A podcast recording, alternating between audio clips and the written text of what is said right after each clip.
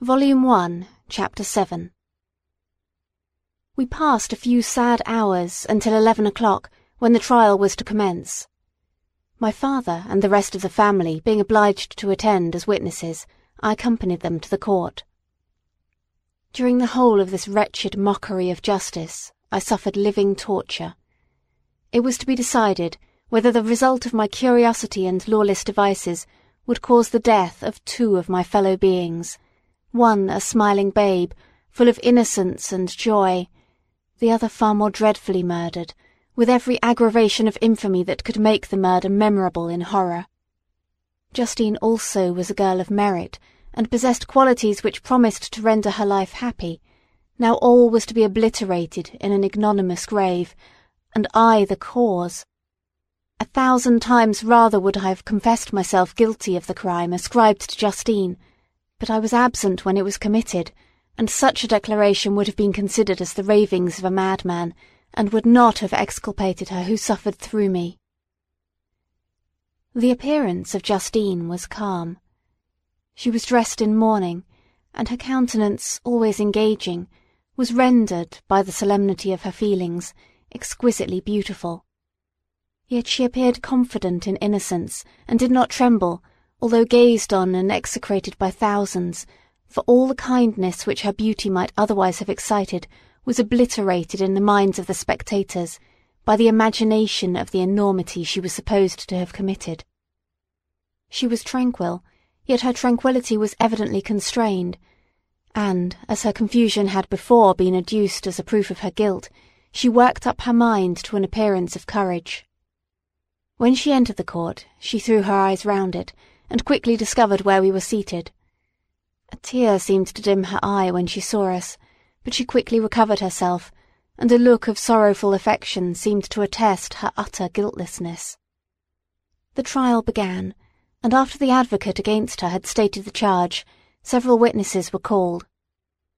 Several strange facts combined against her, which might have staggered anyone who had not such proof of her innocence as I had. She had been out the whole of the night on which the murder had been committed, and towards morning had been perceived by a market woman not far from the spot where the body of the murdered child had been afterwards found. The woman asked her what she did there, but she looked very strangely, and only returned a confused and unintelligible answer. She returned to the house about eight o'clock, and when one inquired where she had passed the night, she replied that she had been looking for the child, and demanded earnestly if anything had been heard concerning him. When shown the body, she fell into violent hysterics, and kept her bed for several days. The picture was then produced, which the servant had found in her pocket, and when Elizabeth, in a faltering voice, proved that it was the same which, an hour before the child had been missed, she had placed round his neck, a murmur of horror and indignation filled the court. Justine was called on for her defence. As the trial had proceeded, her countenance had altered. Surprise, horror, and misery were strongly expressed. Sometimes she struggled with her tears, but when she was desired to plead, she collected her powers and spoke in an audible, although variable voice. God knows, she said, how entirely I am innocent. But I do not pretend that my protestations should acquit me.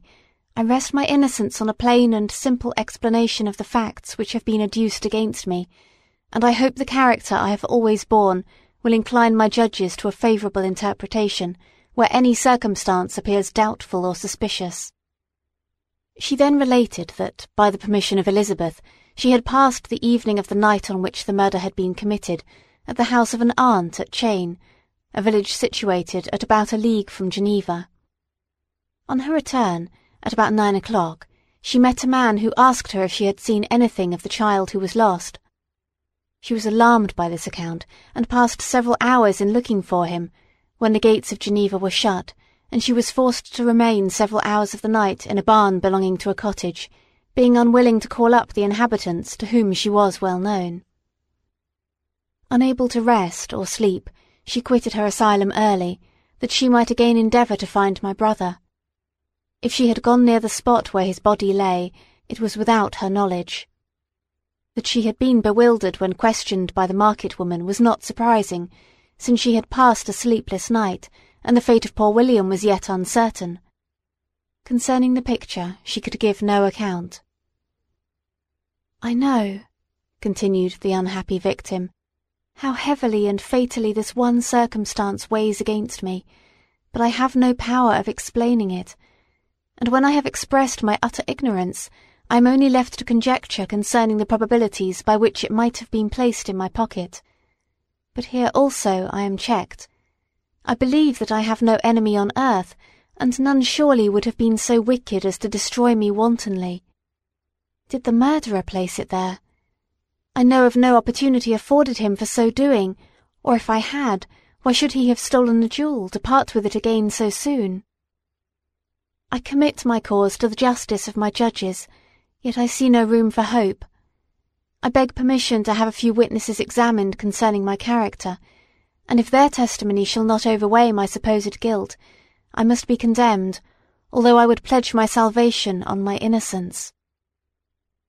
Several witnesses were called, who had known her for many years, and they spoke well of her, but fear and hatred of the crime of which they supposed her guilty rendered them timorous and unwilling to come forward. Elizabeth saw even this last resource, her excellent dispositions and irreproachable conduct, about to fail the accused, when, although violently agitated, she desired permission to address the court.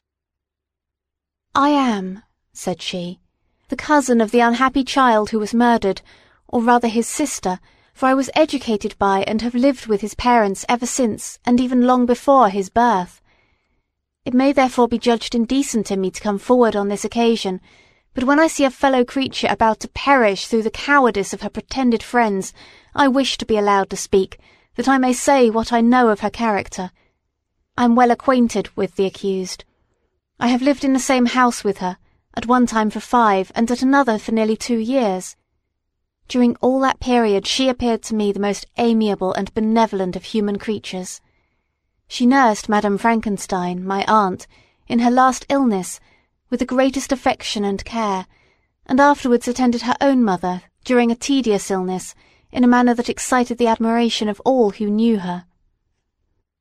After which she again lived in my uncle's house, where she was beloved by all the family. She was warmly attached to the child who is now dead, and acted towards him like a most affectionate mother. For my own part, I do not hesitate to say that, notwithstanding all the evidence produced against her, I believe and rely on her perfect innocence. She had no temptation for such an action. As to the bauble on which the chief proof rests, if she had earnestly desired it, I should have willingly given it to her, so much do I esteem and value her. Excellent Elizabeth. A murmur of approbation was heard, but it was excited by her generous interference, and not in favour of poor Justine, on whom the public indignation was turned with renewed violence, charging her with the blackest ingratitude. She herself wept as Elizabeth spoke, but she did not answer. My own agitation and anguish was extreme during the whole trial. I believed in her innocence. I knew it. Could the demon, who had, I did not for a minute doubt, murdered my brother, also in his hellish sport, have betrayed the innocent to death and ignominy? I could not sustain the horror of my situation, and when I perceived that the popular voice and the countenances of the judges had already condemned my unhappy victim, I rushed out of the court in agony. The tortures of the accused did not equal mine. She was sustained by innocence, but the fangs of remorse tore my bosom and would not forego their hold. I passed a night of unmingled wretchedness. In the morning I went to the court. My lips and throat were parched. I dared not ask the fatal question, but I was known, and the officer guessed the cause of my visit. The ballots had been thrown, they were all black, and Justine was condemned. I cannot pretend to describe what I then felt.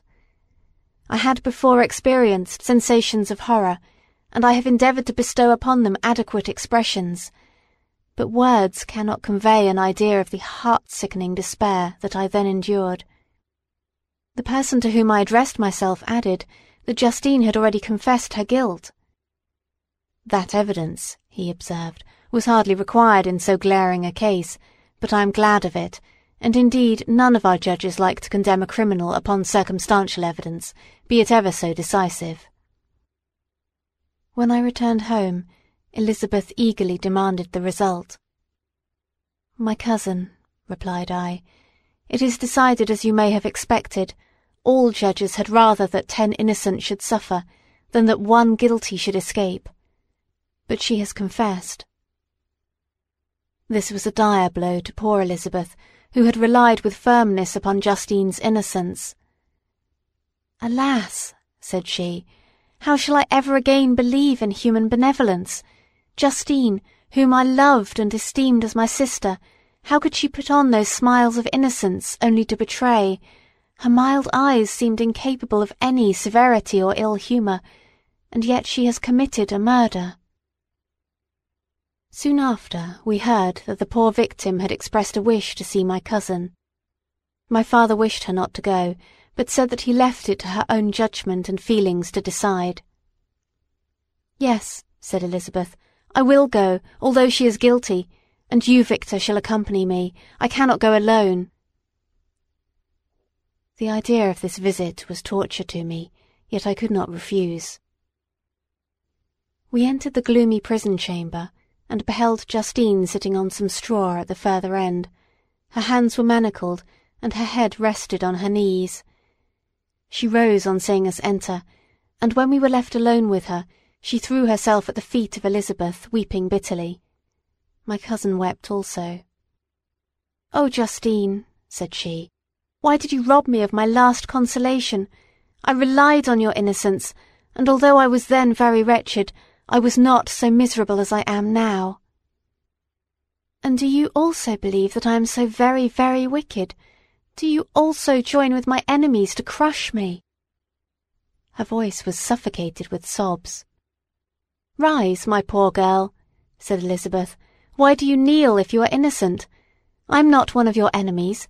I believed you guiltless, notwithstanding every evidence, until I heard that you had yourself declared your guilt. That report, you say, is false, and be assured, dear Justine, that nothing can shake my confidence in you for a moment but your own confession. I did confess, but I confessed a lie. I confessed that I might obtain absolution, but now that falsehood lies heavier at my heart than all my other sins. The God of heaven forgive me. Ever since I was condemned, my confessor has besieged me. He threatened and menaced, until I almost began to think that I was the monster that he said I was. He threatened excommunication and hellfire in my last moments if I continued obdurate. Dear lady, I had none to support me. All looked on me as a wretch doomed to ignominy and perdition. What could I do? In an evil hour I subscribed to a lie, and now only am I truly miserable. She paused, weeping, and then continued. I thought with horror, my sweet lady, that you should believe your Justine, whom your blessed aunt had so highly honoured, and whom you loved, was a creature capable of a crime which none but the devil himself could have perpetrated. Dear William, dear blessed child, I soon shall see you again in heaven, where we shall all be happy, and that consoles me, going as I am to suffer ignominy and death. Oh, Justine, forgive me for having for one moment distrusted you. Why did you confess? But do not mourn, my dear girl. I will everywhere proclaim your innocence and force belief. Yet you must die. You, my playfellow, my companion, my more than sister. I never can survive so horrible a misfortune. Dear, sweet Elizabeth, do not weep. You ought to raise me with thoughts of a better life, and elevate me from the petty cares of this world of injustice and strife. Do not you, excellent friend, drive me to despair. I will try to comfort you, but this I fear is an evil too deep and poignant to admit of consolation, for there is no hope. Yet heaven bless thee, my dearest Justine, with resignation, and a confidence elevated beyond this world. Oh, how I hate its shows and mockeries! When one creature is murdered, another is immediately deprived of life in a slow, torturing manner. Then the executioners, their hands yet reeking with the blood of innocence, believe that they have done a great deed. They call this retribution. Hateful name. When that word is pronounced, I know greater and more horrid punishments are going to be inflicted than the gloomiest tyrant has ever invented to satiate his utmost revenge. Yet this is not consolation for you, my Justine, unless indeed that you may glory in escaping from so miserable a den.